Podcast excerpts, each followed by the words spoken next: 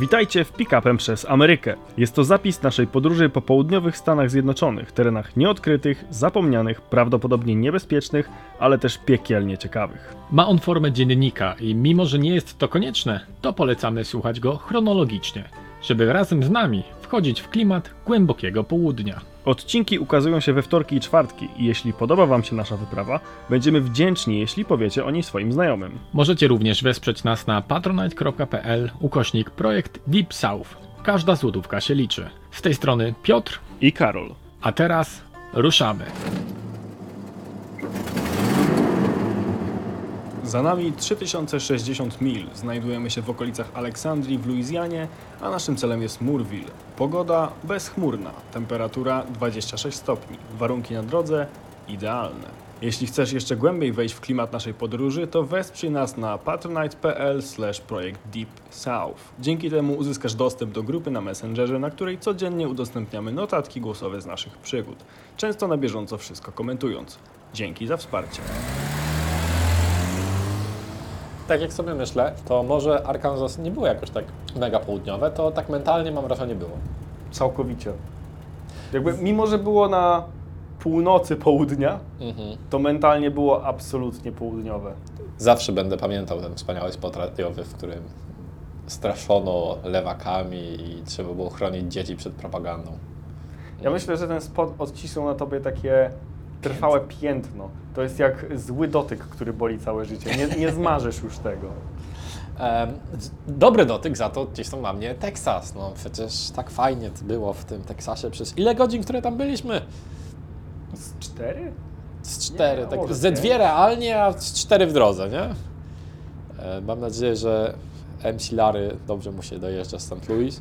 E, No, Teksas na pewno jest miejscem, do którego... Ja w ogóle Teksas chyba bym uczynił osobnym projektem. Jeżeli... Deep Texas Project. Tak. Deep Texas Project. Mhm. żebyśmy pokazali inny Teksas niż zachodni Teksas, ale zachodni Teksas też, bo taki jest na filmach. Ale stary, ja tak sobie myślę, że jakbym miał jechać do Teksasu, to ja chciałbym jechać na ten zachodni Teksas. Ale wiesz, że tam nic nie ma. No ja wiem. No, no bo tutaj, gdzie jeździmy, to wszystko jest, stary. Też nic nie ma, Ale inaczej. ale inaczej, dokładnie tak. Tak jak Inaczej było w naszym Airbnb, w którym się w ogóle dzisiaj obudziliśmy, ze względu na to, że ono łączyło bardzo wiele takich maksymalnie amerykańskich i południowych rzeczy. Domek w lesie, gdzie żyje sobie Ale przy autostradzie. Właśnie do tego chciałem dążyć, to było niespodzianką. No, nie. Spoiler, no trudno, Dobra. ale w każdym razie udawajmy, że tego nie było. Udawajmy, że tego nie było. Domek w lesie. Żyje tam sobie wesoła rodzina. Typowi przedstawiciele klasy średniej. Matka, co ciekawe, jest aktywna albo już emerytowana, jeśli chodzi o służbę wojskową. Dosłużyła się stopnia Pułkownika. pułkownika, jeżeli, jeżeli dobrze pamiętam. Wszędzie w pokoju, w którym śpimy, są zdjęcia ich dzieci, z których oni są niesamowicie dumni, że pokończyli konkretne uniwersytety i tak dalej, i tak dalej. No ale właśnie mimo tej amerykańskiej, To nie wyspało się dzisiaj, co? no nie wyspało się. Dzisiaj jest poniedziałek. Codziennie jest poniedziałek. Ale ten poniedziałek jest inny, bo to jest poniedziałek po 8 godzinach jazdy. Mhm. Wracając jednak do, do tego pokoju, wszędzie te zdjęcia dzieci właśnie mimo tej amerykańskiej idylii, nawet chyba fontanna była tam na podwórku, jeśli dobrze pamiętam. Wspaniały widok był w ogóle rano, jak się obudziliśmy, bo już przyroda zaczęła być taka typowo luizjańska, te drzewa z takimi jakby pnączami, kłączami, była lekka mgła rano i bezpośrednio wschód słońca padał przez tą mgłę na twarz, jak się wychodziło na e, back porch. To Tudzież jest- front porch z naszej perspektywy i to było wspaniałe. Ale ta autostrada, która była 20 Autostrada. metrów od tego No. domu, Ale- jak to szumiało. Mhm. Taki szum zamiast e, strumienia był szum autostrady. Tak, szum opon na asfaltowej drodze. Tak. Bardzo ciekawe Ale doświadczenie. jednocześnie jest to naprawdę fajne i intrygujące, jak wystarczy przekroczyć stanową granicę i od razu wszystko się zmienia. Nie, jakby między Teksasem a Luizjaną, a tak naprawdę między Mar- Arkansas, Arkansas a Luizjaną, to jest ogromna różnica, jeśli chodzi o, o to, jak to wygląda w kontekście natury. To jest śmieszne, bo bardzo często jest tak, że dosłownie wystarczy chwilę wjechać za granicę stanu i już ma się wrażenie, że jest inaczej. No. No bo miejsce, o którym teraz mówimy, które już zostawiliśmy parę kilometrów za sobą, czyli to Airbnb, w którym spaliśmy, to ile to było od granicy? Karol, co to, co to jest kilometr? Faktycznie. Eee, Nie wiem, co tu się uroiło. To miejsce, które Ile to będzie w stopach? e, Już parę łokci za sobą. Prętu. Tak. Eee, A ile ważysz w kamieniach? O kurde, nie jesteśmy w Wielkiej Brytanii, Sorry. nie zadawaj mi takich pytań. W każdym razie od granicy z Teksasem ile to było? Z 20 mil? Nawet mniej, no dosłownie na granicy praktycznie. Nawet nie, nie w Shrevporcie, nie w dużym mieście, tylko gdzieś dosłownie za granicą. A już zaczęło się trochę zmieniać, co było super. No co spanko bierze. Kurde, no niesamowicie. Mam Ile spaliśmy? Z 5 godzin? 6? jak zwykle za mało. I tragedią dzisiejszego dnia było też to, że zaczęliśmy je bez śniadania. Siłą rzeczy nie O byliśmy Jezu. przygotowani, więc w pewnym momencie zaczęliśmy po prostu Cierpieć. cierpieć i trochę z utęsknieniem szukać jakiegoś miejsca, w którym moglibyśmy coś zjeść. Wpadliśmy na bardzo głupi pomysł, Bardzo głupi pomysł. idiotyczny, Bez że sensu. może zjemy coś bardziej ludzkiego, taką bardziej normalną kanapkę, taką Coś w fast foodzie, ale nie fast foodzie. nie na ciepło, nie w głębokim oleju, takiego Subwaya. Subwaya. No więc podjeżdżamy sobie na parking przy Subwayu, który, spoiler alert, był blisko McDonalda. Wchodzimy sobie do tego Subwaya, patrzymy na ceny, po czym wychodzimy. Wychodzimy. Jezu, ile tam było? 8 dolców? Chyba za tą ma małą kanapkę? Tak, właśnie, najmniejsza, najmniejsza, najbiedniejsza kanapka kosztowała 8 dolarów. Plus taks. Dokładnie tak. Co dla nas, którzy bardzo mocno przeliczają ceny większości posiłków takich, wiecie, zwykłych. No bo wiadomo, że jak jest ten moment raz na tydzień, kiedy jest moment celebracji jedzenia, kiedy można te butterfries zjeść, Jezu. no to wydaje się trochę więcej pieniędzy, trochę, trochę inaczej się to przelicza. No, Wypieprzamy te pieniądze stare, jakbyśmy mieli, a ich nie mamy. ale oszczędzamy właśnie nie jedząc Subwayu. Dokładnie. Zobacz, gdybyśmy zjedli wtedy w Subwayu, to wydalibyśmy mnóstwo pieniędzy, a jeszcze jakiś napój do tego trzeba byłoby kupić i tak No. dalej. No więc jak rozsądni e, podróżnicy udaliśmy się do e, innej amerykańskiej ikony, będącej tuż za miedzą, McDonald's. do McDonald's. I love it. Ale chyba nie tym razem. Nie, zdecydowanie I'm loving it w Stanach Zjednoczonych nie aplikuje się do I stary, oszukali, oszukali nas. No bo był wielki znak. Kup jedno, dostań jedno. Ale tam nie było kup jedno i dostań jedno, tylko kup jedno, a drugie dostań za jeden dolar. Ale jak już weszliśmy, nie było nic w okolicy, tylko Subway i McDonald's. Ech. No i ten McDonald's niestety, jak to McDonald's w Stanach, nie powalał obsługą. Była to e, niezbyt wysoka jakość w porównaniu do tego, co oferuje McDonald's Polski. Nie, polo, nie powalał jakością, Obsługą również. obsługą również. Czasem wykonania również. Yy, dodałbym również, Estetyką że miejsca również. nie powalał obsługą. Yep. Czystością. No i to jedzenie było takie podłe. Jedzenie w McDonaldzie, podłe Karol, jak... No Właśnie jakkolwiek wiele osób mogłoby teraz powiedzieć debilu, przecież jedzenie w McDonaldzie zawsze jest podłe. No. Tak, jak wiecie, macie taki średni poziom podłości McDonalda, do którego jesteście przyzwyczajeni. Mm. To wyobraźcie sobie poniżej tego poziomu pod- Bardzo poniżej. podłości i coś takiego zjedliśmy na śniadanie.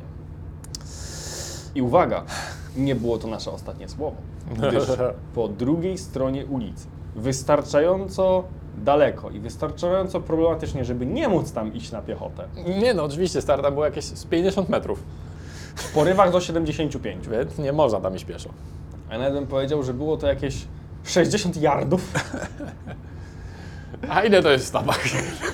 Wsiedliśmy do auta i podjechaliśmy po co? Po ponczury! No ale czy wyobrażasz sobie, No. że James Bond bierze pączka, Takiego polskiego pączka. pączka z lukrem, z, lukrem. Z, malmo, z marmoladą w środku, czy innym dżemem, je to. I ten lukier mu się kruszy na jego drogi garnitur. Dżem spada, jakby wszystko brudne i tak dalej. No Jego właśnie jedwabny krawat. Nie wyobrażamy sobie tego, dlatego nie o takich pączkach mówimy. My jako polscy dżentelmeni w podróży. Jako polscy Amerykanie, amerykańscy Polscy. Polacy kupiliśmy Polish sobie American. donaty. Ale wydawać by się mogło, że kupienie donatów e, w Stanach jest proste. czynnością. Wchodzicie mówicie, jakie chcecie donaty, ile chcecie tych donatów, płacicie, wychodzicie i jesteście zadowoleni. A tam no able anglais? No i jak się tu dogadać? No. Jakby to jest taka trochę awkward sytuacja, nie? że jakby kiedy próbujecie coś kupić, próbujecie dobić targu, zamienić wasze pieniądze na ich pączki, no i nie do końca się to udaje. Mimo, że początkowy etap tego nie jest problematyczny, bo nawet nie musisz powiedzieć, pokaż mi swoje towary. Wszystkie towary są wystawione, wystawione. wszystko widać, możesz Cennik palcem jest- nawet pokazać. I na tym właśnie się kończyło, gdyż pani, która tam pracowała, no nie mówiła specjalnie po angielsku. Jak już się dowiedzieliśmy w trakcie naszej podróży, nasz poziom języka angielskiego jest co najmniej zadowalający. Wielu Amerykanów było, to już pewnie mówiliśmy, w szoku, zaskoczonych bardzo A myślę, pozytywnie. że mówimy lepiej niż niektórzy Amerykanie. Jak dobrze mówię po angielsku. No, ta pani mówiła bardzo zdawkowo po angielsku, raczej próbowała się ratować językiem hiszpańskim. Raczej próbowała komunikować się stary oczami pełnymi strachu. Tak. Na szczęście była tam... Czy, czy myślisz, że mógłbym za, za, zawartować, że deportacja już jakby tam... Nieważne. Myślę, że wy, wyda, wyglądaliśmy za mało federalnie, Okej. żeby y, deportacja Rozumiem. stanęła jej przed oczami. Gdybyśmy na przykład podjechali czarnym Fordem Crown Victorią z przyciemnionymi szybami, i obaj bylibyśmy w garniturach, Mogłoby to coś znaczyć. mogłoby to coś znaczyć. Ale jako, że to były inne pączki, nie, te- to były donaty, to wtedy moglibyśmy w garniturach jeść. No, dobre. Dobre. No ale właśnie w sumie to jedzenie pączków mogłoby wskazywać na fakt, że y, moglibyśmy być związani z jakąś agencją No właśnie. federalną No albo, albo stanową. No. No, więc y, Ale udało... zostaliśmy, zostaliśmy uratowani przez inną panią, która tam pracowała. Tak, przez młodszą panią. Tak. Z- Zaryzykowałbym stwierdzenie, że to mogła być córka tej pani? To jest bardzo duże ryzyko, jeśli chodzi o założenie, bo ja bym strzelił, że nie. Że raczej było to po prostu osoba, która tam pracuje już długo i jest ogólnie Amerykanką i chętnie by pomogła tej pani, ale ona... Długi wątek się z tego zrobił. Ja miałem jakieś takie przeczucie, że to była mama z córką. Okej. Że, to była mama z Mogło córką. tak być. Nie wiem. No ja też nie wiem. Wiem natomiast jedną rzecz, A mianowicie sześć rzeczy, bo wtedy kupiliśmy pół tuzina pączków. Były one tanie i niestety cena tym razem odzwierciedlała jakość tych pączków, więc wyobraźcie sobie sytuację, kiedy po podłym McDonaldzie Mhm. chcecie sobie poprawić humor dobrym pączkiem. Macie problem z kupnem tych pączków, więc bierzecie kilka z czekoladą i kilka z lukrem. Takie, no, zwykłe zwyklaki. No nie da się zepsuć niby. Ale... no nie. Jednak, ale właśnie ciekawi mnie stary, jakby było, gdybyśmy nie mieli tego ideału, ideału ponczura z Virginii w naszych głowach. Myślę, że nasze życie mogłoby być prostsze. No, bo teraz ciągle jak kupujemy jakieś donaty, to już chyba, który to będzie drugi albo trzeci raz, jak mówimy o tym, że polujemy na donaty i znowu nam się to nie udaje. Do, donaty dostaliśmy, ale, Ale jakim kosztem? ale jakim kosztem? Niskim kosztem, ale emocjonalnie, jakby emotional damage się tutaj zadział. E, totalnie. No ale cóż, droga wzywała. No nie był to koniec damage'u. Ze względu na to, że naszym następnym celem, zaraz po pączkach, było zaznaczone przeze mnie na mapie dumnie wbitą pineską farmę. Ja jestem wielkim fanem Twoich oznaczeń ja na mapie. gdzie ty, Karol i jego pineski, gdzie jedziemy do jakiegoś miejsca i mamy takie, o, ciekawe, co tam znajdziemy. Bo nie wiemy, co tam znajdziemy, gdyż Karola Pineska oznacza, kiedyś czytałem o tym miejscu i coś mnie w tym zaciekawiło. I co cię zaciekawiło w Farrer? No właśnie problem jest taki, że ja bardzo często przy tych pineskach nie dodaję notatek. Teraz się to zmieni po doświadczeniu tej podróży. Myślę, że nawet jeśli w trakcie podróży już zacznę coś y, zaznaczać, to będę stosowne adnotacje dodawał. No ale wjeżdżamy do tego Farmerville. Miasteczko jak miasteczko. I podobnie jak w Camden, zadajemy sobie pytanie, po co? Po co my tu przyjechaliśmy? Chociaż jakby zastanawiam się, no bo trochę tam pojeździliśmy, próbowaliśmy, nie wiem, tam dojechać do wody, rzeki, jeziora, cokolwiek tam było. Więc no może tak było urocze to, że było tam jezioro, miasteczko nad jeziorem, nie? Możliwe. Przekonuje cię to? Na pewno no miało w sobie coś więcej niż Camden, To Okej. bez dwóch zdań. Na pewno fajne było to, jak właśnie próbowaliśmy się dostać do jeziora i raz znaleźliśmy drogę, która mieliśmy wrażenie, że nas tam zaprowadzi. Tak. Ale stało tam kilku takich stereotypowych redneków, którzy majstrowali coś przy jakiejś łódce na środku drogi, która albo była na przyczepie, albo była w ogóle poza przyczepą. No i jakoś tak stwierdziliśmy, że Wyglądało to trochę jak tak przejeżdżaliśmy i odwracali swoje głowy, to mieli takie, dlaczego oni obserwują nas jak e, kradniemy, tą łódkę. tą łódkę. Jep. No było to dziwne e, doświadczenie.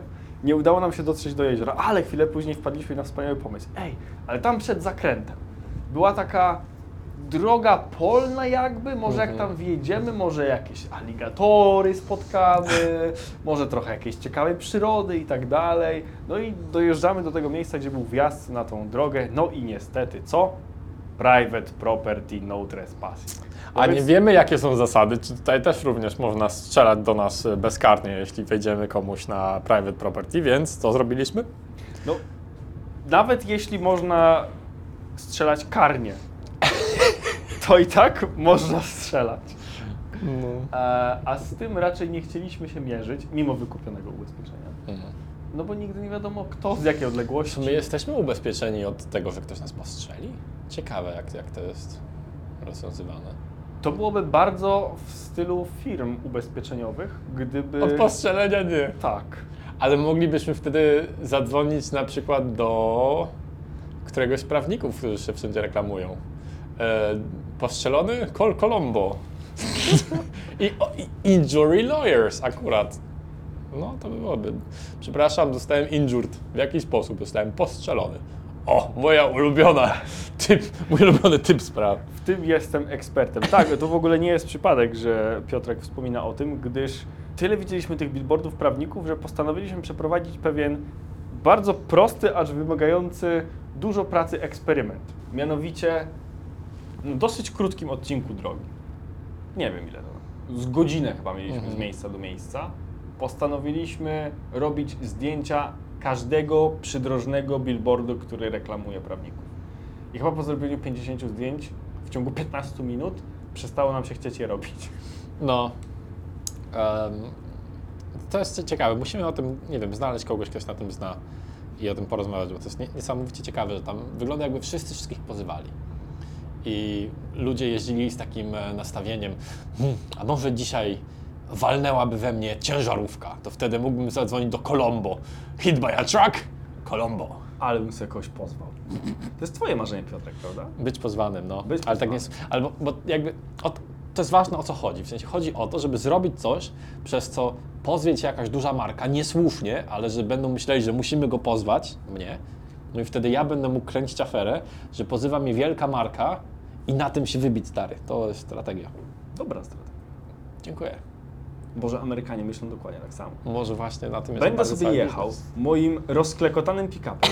Jak nie huknie we mnie ciężarówka, jak nie zmiecie mnie z planszy, jeśli przeżyję, to zadzwonię do Colombo i może uda nam się wydębić od korporacji, która odpowiada za tą ciężarówkę, jakieś gazylion milionów, bo to Gazylion jest milionów. standardowa, standardowa kwota odszkodowania w Stanach Zjednoczonych. Prawnicy prowadzą te sprawy za darmo, ale biorą 70% z tego, co Tak. ugrają. Niesamowite to jest. Więc Wrócimy nawet z do tego tego. gazyliona Mhm. zostaje ci, nie wiem, skromne 2 miliardy. No i jakoś możesz przeżyć do następnego miesiąca. Do pierwszego. Do, Do następnego wypadku. Mm, no Kiedy i wiesz, wypadkiem było farmer. Tak, wypadek przy pracy.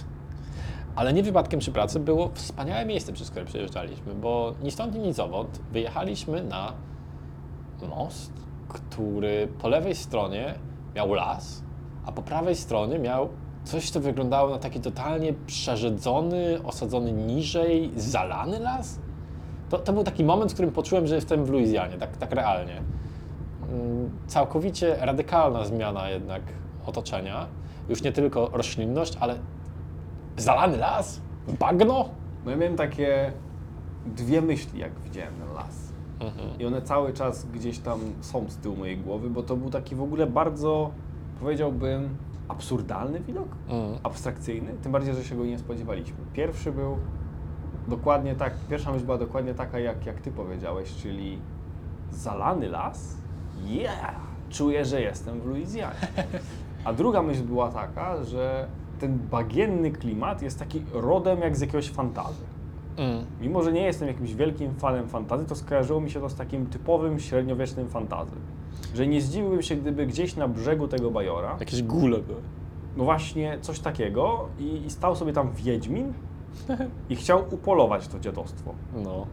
Dokładnie, dokładnie taki klimat. Jeszcze jakby był taki bardzo mglisty poranek, O. to 100%.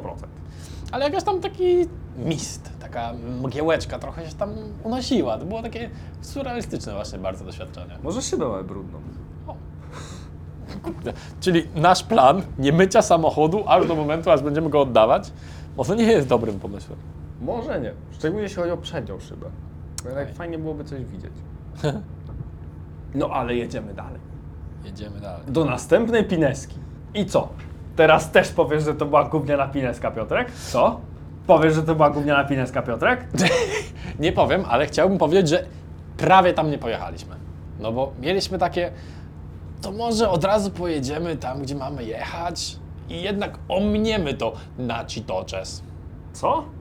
Na Citoches. Nie znam takiego miasta. To jest w ogóle wspaniała historia, ponieważ dojechaliśmy do miejsca, które znajduje się tak, no, północno-zachodniej Luizjanie, nadal jest to jednak północno-zachodnia część i pisze się to Natchitoches, więc naturalnie w naszych głowach i w naszych krtaniach pojawiło się Nachitoches. I tak mówimy. Po czym okazuje się, że kiedy weszliśmy do tego zaskakująco ładnego, małego miasteczka, które jest taką idealną, uroczą destynacją turystyczną, to to miejsce nazywa się Nakatisz. Nachitoches. Nakatisz. Nachitoches. Nakatisz. No jak to jest w ogóle możliwe? Nie mam zielonego pojęcia. Masakra. Ale w ogóle sposób, w jaki się o tym dowiedzieliśmy, o czym za chwilę, również był zaskakujący. No bo wiecie, wjeżdżamy do tego miasteczka. Ja sprawdzałem gdzieś na liście, że z jakiegoś powodu to miejsce, w sensie to miasteczko jest jednym z dziesięciu najgorszych miejsc, czy najbardziej niebezpiecznych miejsc do życia w Luizjanie. Czy najwięcej przestępstw się pojawi? Zastanawiamy się, yy, co nas Ale jak? konkretnie czeka. No bo wjeżdżamy do centrum miasteczka i jest ono takie idylliczne. Mhm. Pogoda jest piękna. Piękne. Architektura pokazuje wyraźnie, że była to kiedyś kolonia Francuska. hiszpańska, francuska, nie wiem w jakiej kolejności, ale te wpływy architektoniczne są bardzo mocno widoczne. Widać to w nazwach ulic, no w wielu, wielu, wielu rzeczach. No i gdzie tu ma być ta przestępczość? Gdzie ci przestępczy? Gdzie ci przestępcy? No, no, W twojej głowie byli, bo cały czas się bałeś, że ktoś ci plecak zabierze. no stary, bo mi tak nagadałeś, gdziekolwiek nie jedziemy, to sprawdzasz tą swoją mapkę, sprawdzasz te swoje artykuły. Ja zacząłem już powoli, stary, mieć paranoję. A co jeśli w naszym pick-upie zostawię mój plecak schowany za tylnym siedzeniem Pod pod, lodówką, gdzie, Przykryty kurtką. gdzie nikt nie ma prawa zobaczyć, że tam coś takiego jest, Na to ci jak będzie aucie- przepakowywał... Na dodatek w aucie, który nikogo nie interesuje. Tak, Jedyne co jest z nim dziwnego to blachy z Rhode Island. Tak. To, to ja zacząłem po, po, powoli już tak się stary srać o to. Takie, no a czy jak teraz przepakowuję na przednim siedzeniu, to czy czasem ktoś nie patrzy? O, ktoś przechodził, uśmiechnął się. Hmm, czy widział mój sprzęt? Kurde, chodzi, że sprzętem na wierzchu? Prze- Ja tylko się przebierałem. E, nieważne. I ta paranoja twoja, ta twoja paranoja, to prawdopodobnie powód, dla którego trzy razy, i teraz Tak. robię cudzysłów w powietrzu, zapominałeś coś z samochodu. Zapominałem. No, wiesz co, Karol, Zapominałeś coś. musimy... Je... Zapomniałem niestety, chodźmy do samochodu jeszcze raz. Och, tu przydałyby się takie filtry. Wróćmy drugi raz do samochodu. Ojej, gdzie jest kabel, żeby podłączyć mikrofon do Och, aparatu? musimy trzeci raz Musimy jeszcze. trzeci raz wrócić do samochodu. No. No i Ale wracaliśmy. Jak możesz- debile. Możesz powiedzieć, czemu chciałeś coś nagrać? Dlatego, że jak weszliśmy w praktycznie rzecz biorąc dowolną bramę, pierwszą z brzegu, to miałem wrażenie, że jestem w Red Dead Redemption 2 w mieście, teraz żebym nie przekręcił jego nazwy, Saint-Denis. Saint-Denis, dokładnie. Ja nawet nie grałem. Tym bardziej, że Saint-Denis, święty Denis, Dobre miał tam pytanie. swój kościół w tym mieście, miał tam swoją ulicę, chyba swój plac i na pewno kilka swoich tablic pamiątkowych. Było go tam mnóstwo, więc w ogóle miałem wrażenie, że inspiracja do Saint-Denis, mimo że wiem, że jest nią Nowy Orlean, to również inspiracją było Nakatisz. Stary Denis to jest Dionizy. Wow, Wow. A Dionizy, a, a Nowy Orlean, to podobno stary tam się imprezuje, a Dionizy jest od wina i od imprez. Dionizos. No! No ale święty Dionizy i Dionizos to chyba dwie... Ale co, nie może być Okej. stary prostej linii od inspiracji od greckich i, i rzymskich bogów? No można, zawsze się trochę kradnie. No, prawdziwi artyści, prawdziwi prorocy kradną, stary. to nawet nie jest żart. Dokładnie. To nawet nie. No, było bardzo głębokie w ogóle. dziękuję. Bardzo głębokie. Bardzo warto. Zastanówcie się nad tym. Ci z Was, którzy są w stanie dokonać pewnej teologiczno-filozoficznej refleksji, proszę teraz o chwilę, Chwilę refleksji. Minuta ciszy. Ale w końcu nie nagraliśmy stary tego, co Nie, mieliśmy nagrać, nie, w bo końcu nie brakło nagraliśmy. chyba baterii mi, bo, bo brakło mi trochę baterii i wcale nie chodziło o to, że chciałbym już wrócić do samochodu, bo jest tam mój sprzęt, ok? E, ale no jakoś tak mieliśmy, że wrócimy tutaj, bo mamy plan, żeby jeszcze wrócić.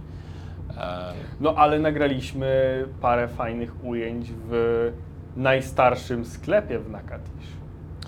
Tak, to jest w ogóle To Gen- też była, Store, nie? Tak, to też była absolutna podróż w czasie, to po pierwsze, a po drugie absolutna podróż do świata filmu. Jak wyobrażacie sobie taki typowy, prowincjonalny sklepik Ze wszystkim. ze wszystkim. Nie wiem, z lat 70., 60. Dla upiększenia możecie sobie wyobrazić, że to jest jedyny sklep na Dzikim Zachodzie. Tak, to, to jeszcze, jeszcze bardziej pozwoli Wam sobie wyobrazić taki sklep.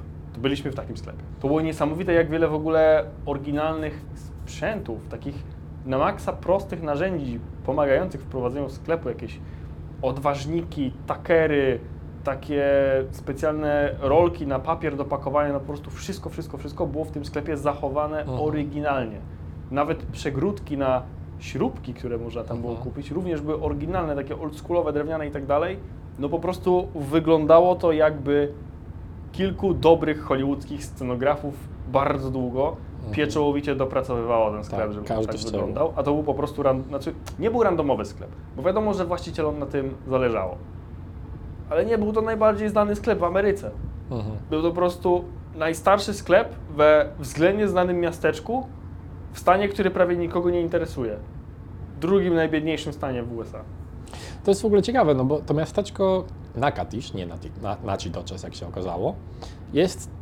Bo, hmm, to, nie, nie jest to Karpacz, jak wcześniej określiliśmy Eureka Springs, no bo nie jest w górach. Nie jest zakopane tym bardziej, bo jeszcze, jeszcze bardziej nie jest w górach.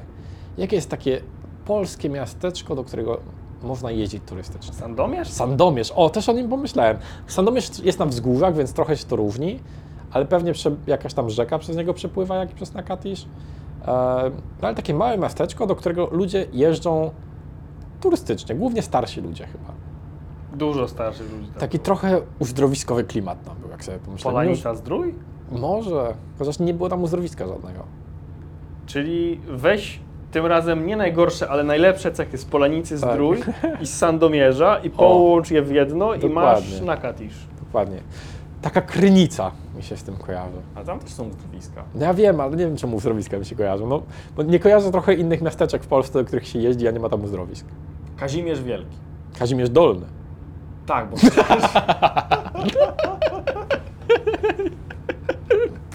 Ale wyobraź, ale popatrz, że wszystkie są na południu, stary. południe. Po co jeździć na północ? No. Co, na jakieś Mazury, czyli polskie Miami? O nie. Polskie Miami. Polskie Miami to jest Sopot, myślę. Nie no, to prawda.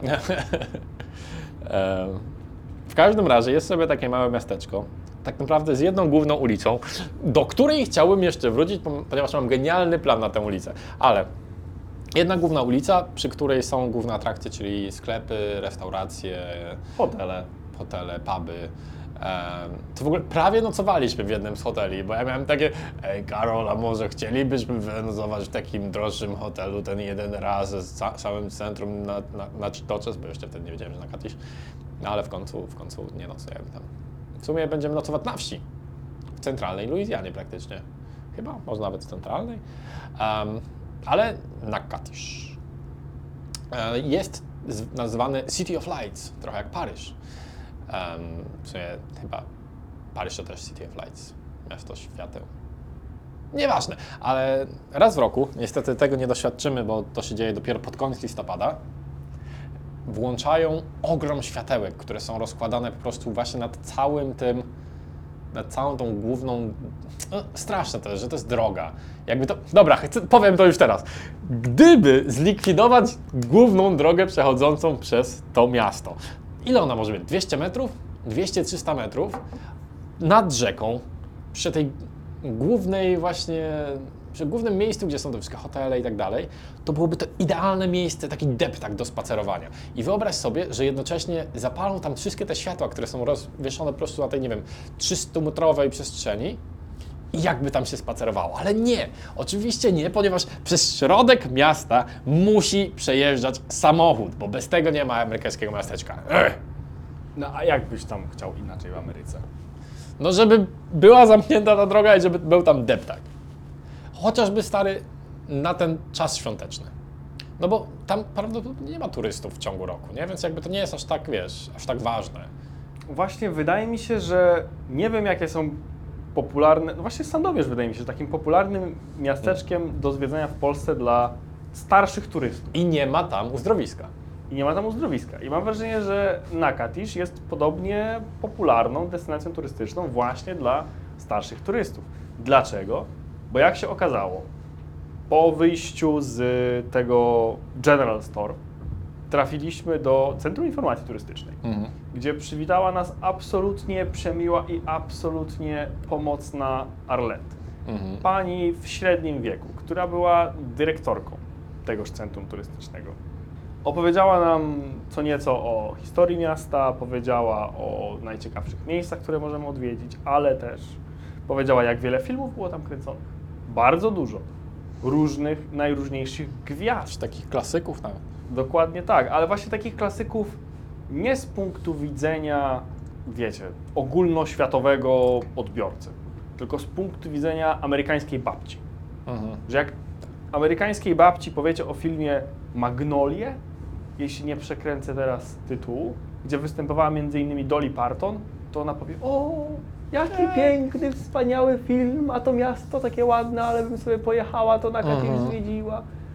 To Było tam jak też jakiś- Sandomierz i ten... y, Otóż to, Jak się nazywa? Ojciec Mateusz? Dokładnie tak, dlatego to porównanie jest doskonałe. Tylko, że No. widzisz, ojciec Mateusz jest syntezą wszystkich filmów, jakie były kręcone w Nakatisz. Mm. Bo jest ładne miasteczko, są jakieś wody turystyczne, jest taka wholesome rzecz dla emerytów, ale też jest intryga, kryminał, przemoc, strzelanie jakieś może nawet. A John Wayne również był w Nakatisz i występował tam w jakimś westernie. Nawet mieliśmy rozkminę, czy ten western, który był tam kręcony, to jest ten western, z którego jest słynna scena, w której John Wayne pyta sześcioletniego chłopca, jak to jest możliwe, że nie potrafi pływać Po czym go tam wrzuca? i wrzuca go do rzeki. to chyba tam, no. Niestety nie był to ten film z tą Nie? słynną sceną. No nie. E, ale kostium w ogóle był e, Johna Wayne'a praktycznie rzecz biorąc identyczny Tak. jak w tym filmie. W sensie, no może nie powinno to nikogo dziwić, no bo jak inaczej może wyglądać filmowe wyobrażenie kowboja? No będzie wyglądał raczej tak samo. Mhm. Ale kolory się nawet zgadzały, miałem takie wrażenie, dlatego zostałem zmylony. Niemniej jednak, wracając do Arlette i jej absolutnej pomocności, To dała nam tyle makulatury starej, że moglibyśmy zasponsorować cały ten wyjazd, gdybyśmy tylko odwieźli to na skup makulatury. jeżeli było jedno miejsce w całej ulotce, gdzie były dwa zdania o tym miejscu i ona uważała, że koniecznie musimy je zobaczyć, albo warto je zobaczyć, to wręczała nam ulotkę na temat tego miejsca. Tak. Więc mamy Ale dużo takich ulotek miejsc teraz. było więcej niż jedno. Plus jakąś lokalną gazetkę dostaliśmy. Ale też, Ale em, co nam się udało, w sumie przed wyjściem tak naprawdę, to uzyskać informacje o lokalnych elitach. A więc dostaliśmy kontakt do profesora. Co w ogóle było ciekawe, bo tak w sumie pytamy różnych ludzi. E, może znacie jakichś ludzi, którzy są tutaj ciekawi, opowiedzieliby coś ciekawego o regionie. I okazało się, że właśnie lokalny profesor z lokalnego uniwersytetu, który, jak się okazało, e, ten uniwersytet ma wielki stadion, mimo że miasto, w którym byliśmy, ma 15 tysięcy ludzi. To jest niesamowite. Jakby 70 tysięcy ludzi pewnie może być na tym stadionie. Ale em, ciekawa była ta rozmowa z tym profesorem. W sensie ona zadzwoniła ze swojego stacjonarnego telefonu, na stacjonarny chyba telefon tam, W biurze profesora. w biurze profesora. No i W gabinecie. gabinecie. No i tam przedstawiła coś tam, coś tam, coś tam i daje mi do telef- mnie do telefonu. Ja mam takie. e, mój mózg e, trochę nie wiedział, co zrobić, no bo jakoś tak e, rozmawiać przez telefon po angielsku to inaczej niż rozmawiać na żywo po angielsku. To jest w ogóle tak bardzo trudniejsze. Co jest absurdalne, bo jakby rozmawiacie tak samo, ale rozmowa w cztery oczy nie ma problemu. Rozmowa przez telefon No, Mózg coś, coś się Mynamy wyłącza, i z nie? potato. No właśnie. Brakuje jakby to jakiegoś kon- kontaktu wzrokowego, jakiejś takiej ekspresji czy coś. No i też jakość jest często taka okropna, nie? że ledwo co słychać. Więc te No. nagrania w liceum przygotowywały was właśnie na tego typu sytuacje. Też takiego starego magnetofon, magnetofon? tak. Tak się to nazywa? Magnetofon? Magnetowid? Nie no, magnetofon. Magnetowid to, To do jest od wideo. kaset wideo. Magnetofon to do Jezu, kaset zwykłych. mi Pamiętam, że w podstawówce jeszcze używali kaset, Aha. ale to już było takie ostatnie tchnienie kaset i później już chodziły płyty CD, Płyty CD. cywilizowanie. Tak. Nie wiem jak u Ciebie. Nadal jednak jakość okropna, bo Nie no, to wszystko oczywiście, zależało bo to- od tego głośnika strasznego. Dokładnie te same Masakra. nagrania poza tym. Nie? Ja Ale- kojarzę taki stary, naj, najbardziej taki szary, zaokrąglony trochę model. Tak, Tak, to, to samo miałeś? Pewnie Sony jakiś. Pewnie tak. Pewnie wiesz, przetarg na 10 tysięcy do szkoły, nie? Specyfikacja napisana najgorsza jakość dźwięku możliwa. Y, A czy nie można zrobić gorszej? A co jeśli, uwaga, kontrowersyjna teoria, te ma- lekki off-top, te magnetofony w szkołach, No. Takie duże, jajowate, okrągłe, No. one były dokładnie zbudowane na tej samej zasadzie, co chińskie pendrive'y albo chińskie dyski zewnętrzne. Że wiecie, otwieracie ten dysk zewnętrzny, a w środku jest karta pamięci. I ten magnetofon to tak naprawdę była wielka plastikowa obudowa, a w środku był Walkman. I nic Za- więcej. za Reszta, 30 cent. reszta masy to był kawałek pręta zbrojeniowego, gdyż Tak. Tutaj uwaga, ciąg dalszy off-topu. Nie mówię o tym pręcie zbrojeniowym przypadkiem, gdyż był taki okres w moim życiu w gimnazjum, kiedy bardzo No. byłem zafascynowany ASG. O. No ale możliwości finansowe wtedy były bardzo niskie, więc z kolegami kupiliśmy sobie cztery dokładnie takie same repliki z naciągiem sprężynowym. W każdym strzale trzeba było ładować. E, I któregoś dnia jedna z tych replik się zepsuła. I po otwarciu jej okazało się, ona dosyć dużo ważyła. Masa tej repliki była robiona przez to, że w środku były stare pręty zbrojeniowe, po prostu pocięte na fragmenty. Tak to wyglądało, przysięgam. W sensie wyglądało to jak pręt, jeszcze z pozostałościami betonu. Może to jest tak, że ktoś musiał zapłacić za utylizację, więc miał takie, nie będę płacił za utylizację, więc zrobimy z tego produkt. No. To byłoby ciekawe, gdyby w ten sposób powstał ten produkt. Gdyby obudować ten produkt wokół pociętego pręta zbrojeniowego, którego nie chcesz utylizować. O. Niesamowite. Ogóle Tak, ale w każdym razie, chyba że jeszcze coś ważnego. Ciekawi mnie, jakby, czy w tym momencie ludzie będą to przewijać, czy słuchali tego, co mówiliśmy. Bo zobaczymy to wszystko w statystykach. Liczby pokażą. Liczby pokażą. Liczby nie kłamią. No. Wracając jednak do naszego profesora, udało nam Tak. się z nim umówić na spotkanie. Ta, tak, tak, tak, ale jakby ja chciałbym tylko powiedzieć, jak wyglądała ta konwersacja. Okej. Bo jakby podchodzę do tego telefonu, tak się wpycham między ladę a, a to, żeby przejść tam do, do tego telefonu. Podnoszę słuchawkę i mam takie. To może nie owijając bawełnę, jesteśmy tutaj i chcemy zrobić wywiad z panem, pan podobny spoko, to może zrobimy go jakoś w tym tygodniu, czy ma pan czas? A on, o, okej, zróbmy to. Ja mam takie, no świetnie, już po nas, nie? Jakby y, blacklista wleci i zostaniemy już tutaj zbanowani z całego regionu, a tu nie. I będziemy mieć wywiad z profesorem na lokalnym uniwersytecie, który ma ogromny stadion. To w ogóle jest chyba drugi największy uniwersytet w Luizjanie. O, Ale jest to ciekawe, jest że to jest takie sprawdzenia. malutkie miasteczko, nie? Tak. Musimy o tym opowiedzieć więcej, jak tu wrócimy. Tak, jak, jak wrócimy, to zrobimy na następny raz szybki research, żeby powiedzieć Wam w ogóle o fenomenie miasteczek uniwersyteckich w Stanach. Mhm. Co jest super w ogóle, jak, tak, jak sobie myślę. Że jednak masz ten kampus, miasteczko jest małe, ale z drugiej strony jest studenckie, więc jakby jakieś takie podstawowe studenckie potrzeby typu kupno alkoholu, imprezy są zaspokajane. Są z pewnością z tego jakieś profity, wrócimy do tego, Zgadza jak się. pojedziemy na uniwersytet. Może się okazać, że co, że pojedziemy i będzie lipa. Uff. Może tak być. Ale Arlet nie skierowała nas tylko i wyłącznie do profesora, gdyż dając nam całą tą masę makulatury, e, skierowała nas w inne ciekawe miejsca wokół, o których powiedziała, że koniecznie musimy je zobaczyć. Bo zanim pojechaliśmy, to postanowiliśmy sobie pochodzić trochę pieszo. E, po tym jak wyładowała nam się bateria i okazało się, że chyba nikt nas nie okradnie, no to pochodziliśmy sobie po tym e, miasteczku. Przeszliśmy przez rzekę i zrobiliśmy zdjęcie polaroidem, gdzie jest piesek patrzący przez okno w przejeżdżającym samochodzie. To jest super. E, tak Idealny wystającą moment. główką, no. I Pyszczkiem. przechodziliśmy w ogóle właśnie pod tymi wszystkimi żarówkami, Mhm. które na okres świąteczny się było i było nam strasznie źle w pewnym sensie, że nie zobaczymy tego, jak one się palą. No, szkoda. Bo widzieliśmy tylko na zdjęciach i wyglądało to naprawdę fenomenalnie, ale w ogóle cały ten obszar przy rzece, który jest w Nakatish, jest taki, taki sielankowo-emerycko-wypoczynkowy, ale w taki dobry sposób.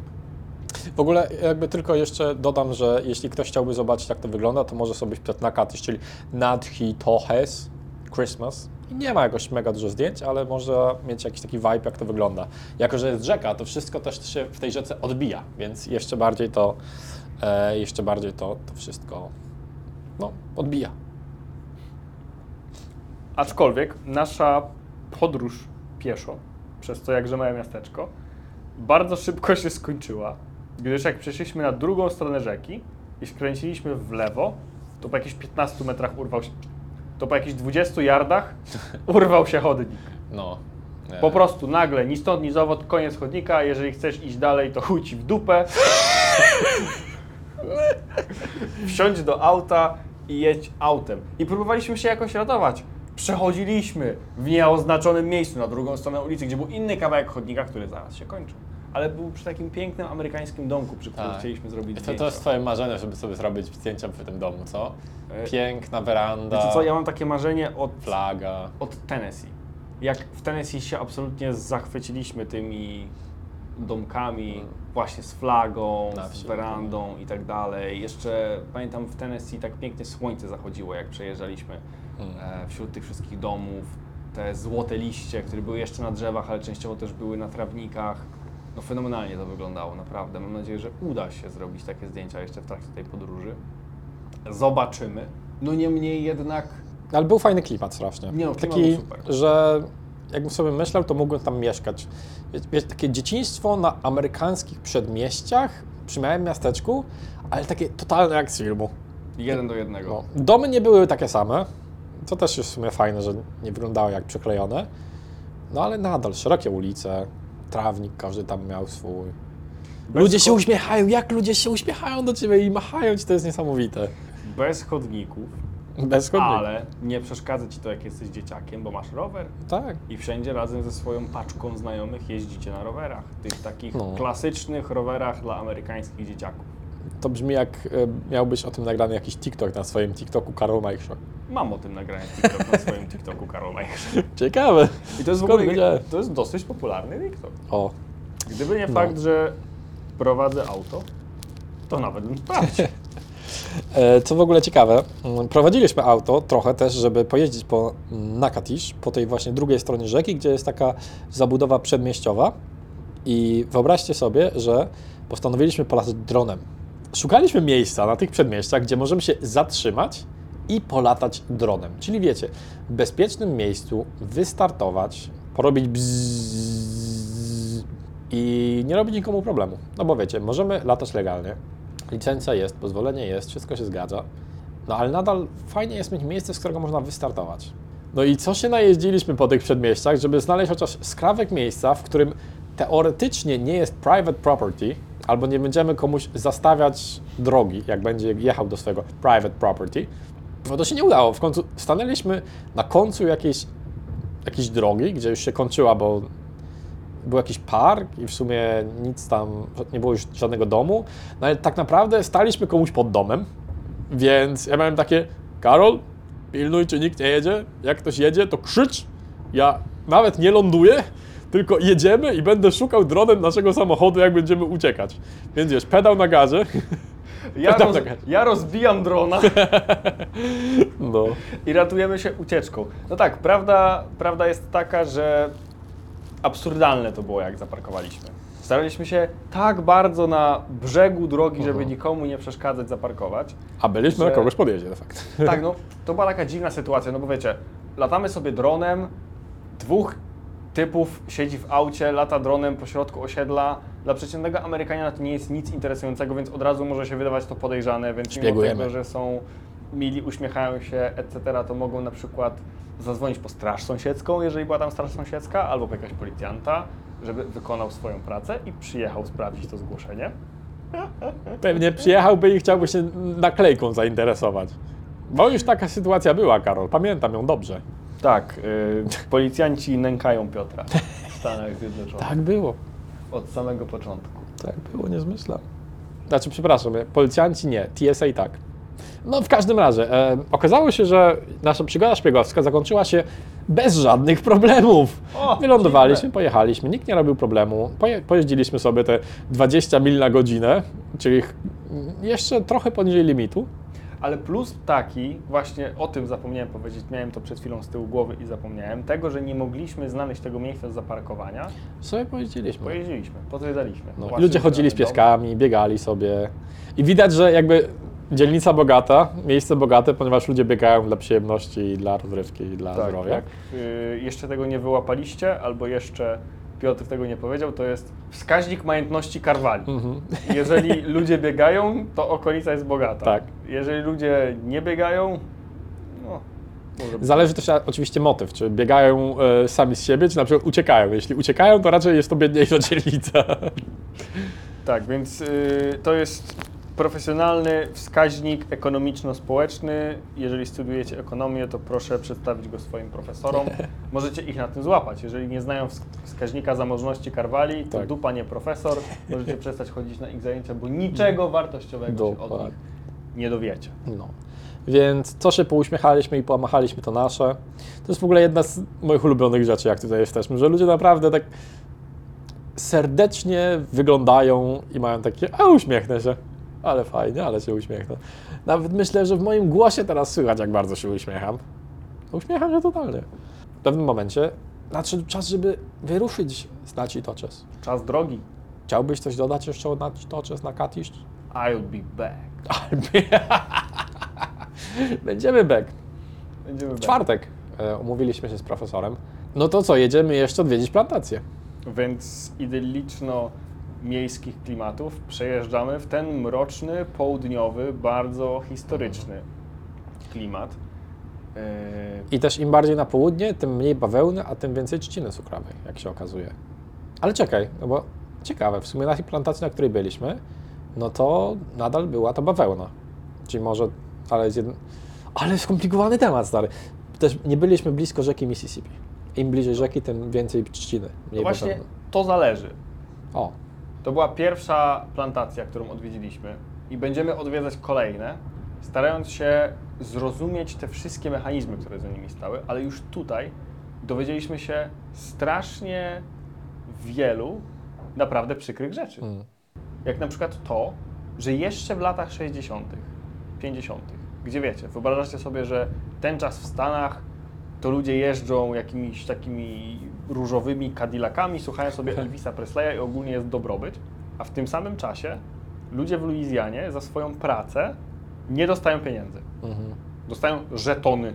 żetony firmowe, które mogą użyć w firmowych sklepach Dokładnie tak. tej plantacji.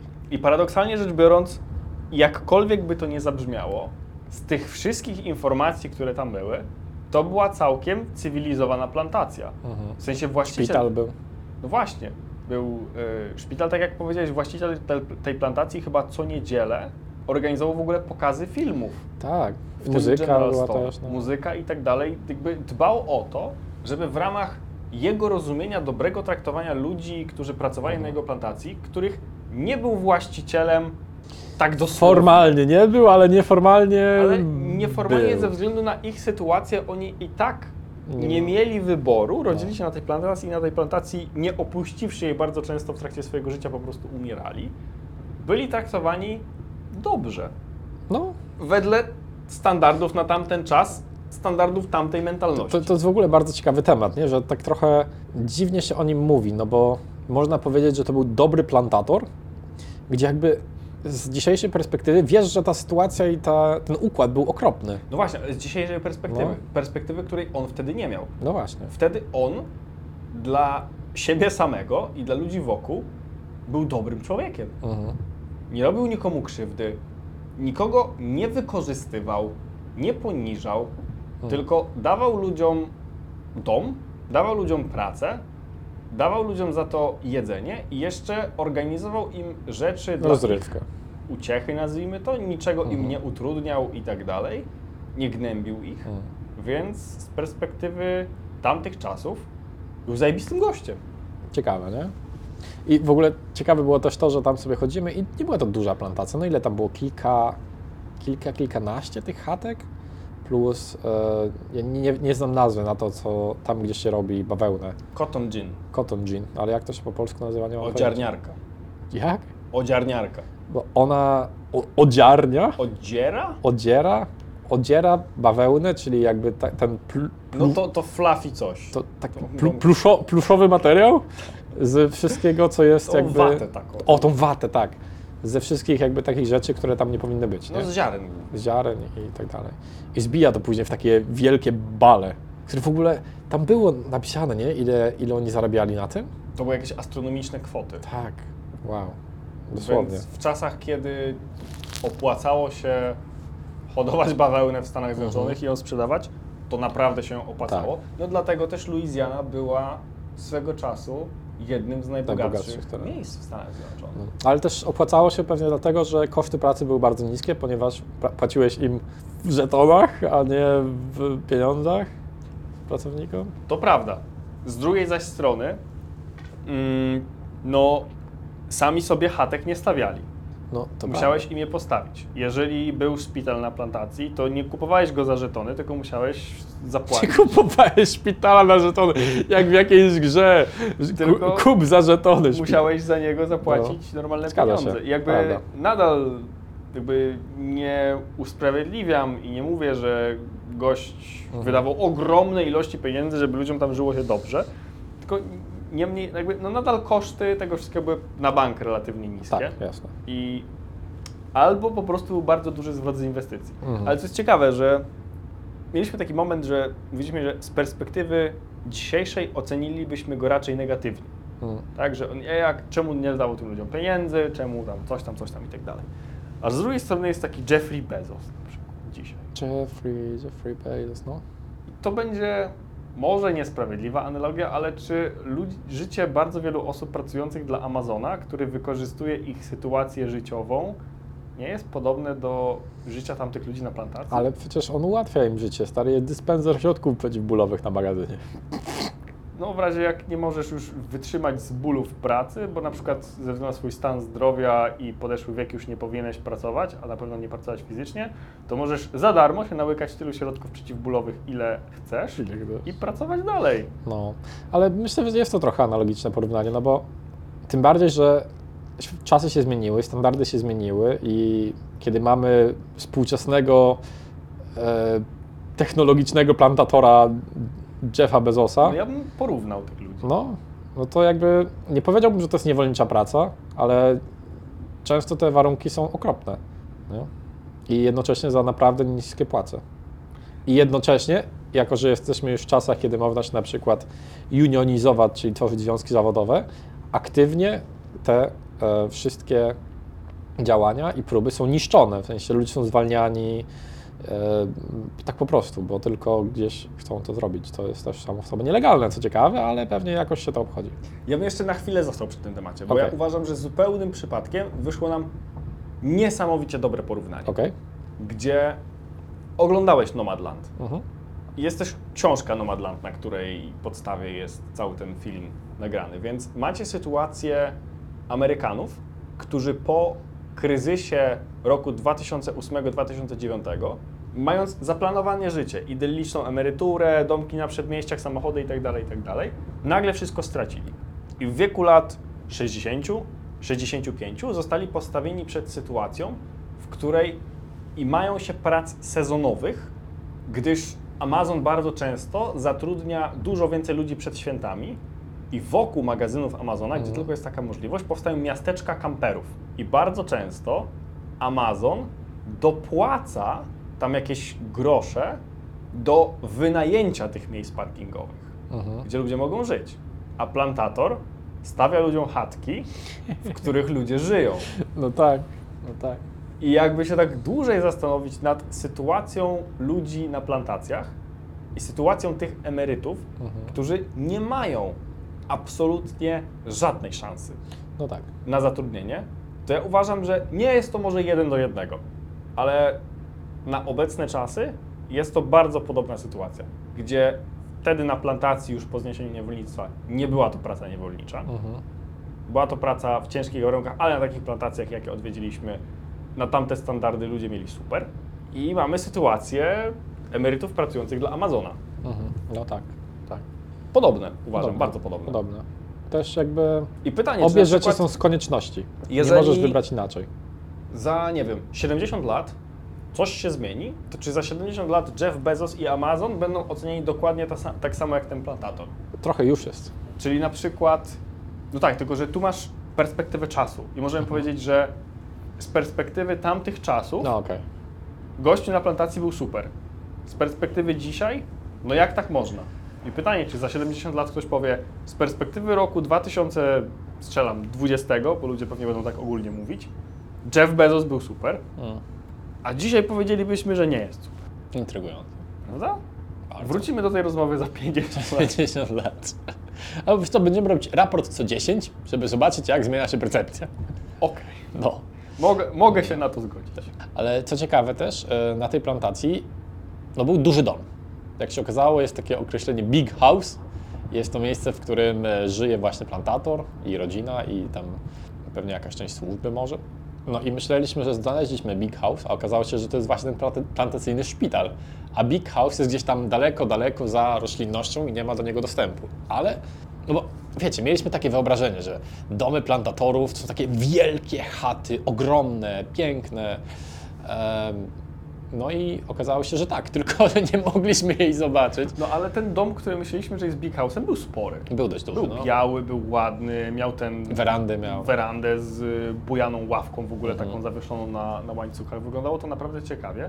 No i dopiero po chwili się zorientowaliśmy, że to Small house jest. small house, no, tak będący szpitalem. Szpitalem, no. W miarę możliwości poszliśmy, podeszliśmy blisko tego big house, ale przez gęstą jednak dosyć roślinność ciężko było go dokładnie zobaczyć. Mhm. Mm, no ale mimo właśnie tych wszystkich super rzeczy, które robił pan plantator, jak się czytało o tym życiu na plantacji, to no było to straszne. No niezbyt fajne, co? Tym bardziej, że te chaty też, bo te, te wszystkie chaty, które tam były, one w ogóle zostały zachowane. Częściowo z oryginalnym wyposażeniem, częściowo z odtworzonym wyposażeniem. Byli tam w ogóle jacyś studenci, mam wrażenie, Mm. z pobliskiego uniwersytetu, którzy dokonywali jakichś pomiarów, czegoś takiego, więc nie mam zielonego pojęcia, co, co studiowali. Pomiarologię. Może, może pan profesor nam powie. O, Zapytamy go, jeżeli nie zapomnimy. No i doświadczenie tego tak na, na własnej skórze, przejście się między tymi domami, wejście do tego cotton ginu i tak dalej, no takie niesmutne, mm. mimo że też, ale refleksyjne, Aha. refleksyjne bardzo doświadczenie, takie pozostawiające taki smutku takiego, No. takiej żałości. I też jest to coś całkowicie nowego dla nas, gdzie w Polsce jednak nie funkcjonowało to tak. No, co mieliśmy? Mieliśmy PGR-y, tak, w PRL-u. Później mieliśmy małe rolnictwo, teraz już małe rolnictwo nie istnieje. No ale to moglibyśmy Mieliśmy się- pańszczyznę, No co właśnie, było- do, do pańszczyzny cofnąć. Ale to było dawno temu. Pańszczyzna to jest XIX wiek, chyba początek jeszcze, nie?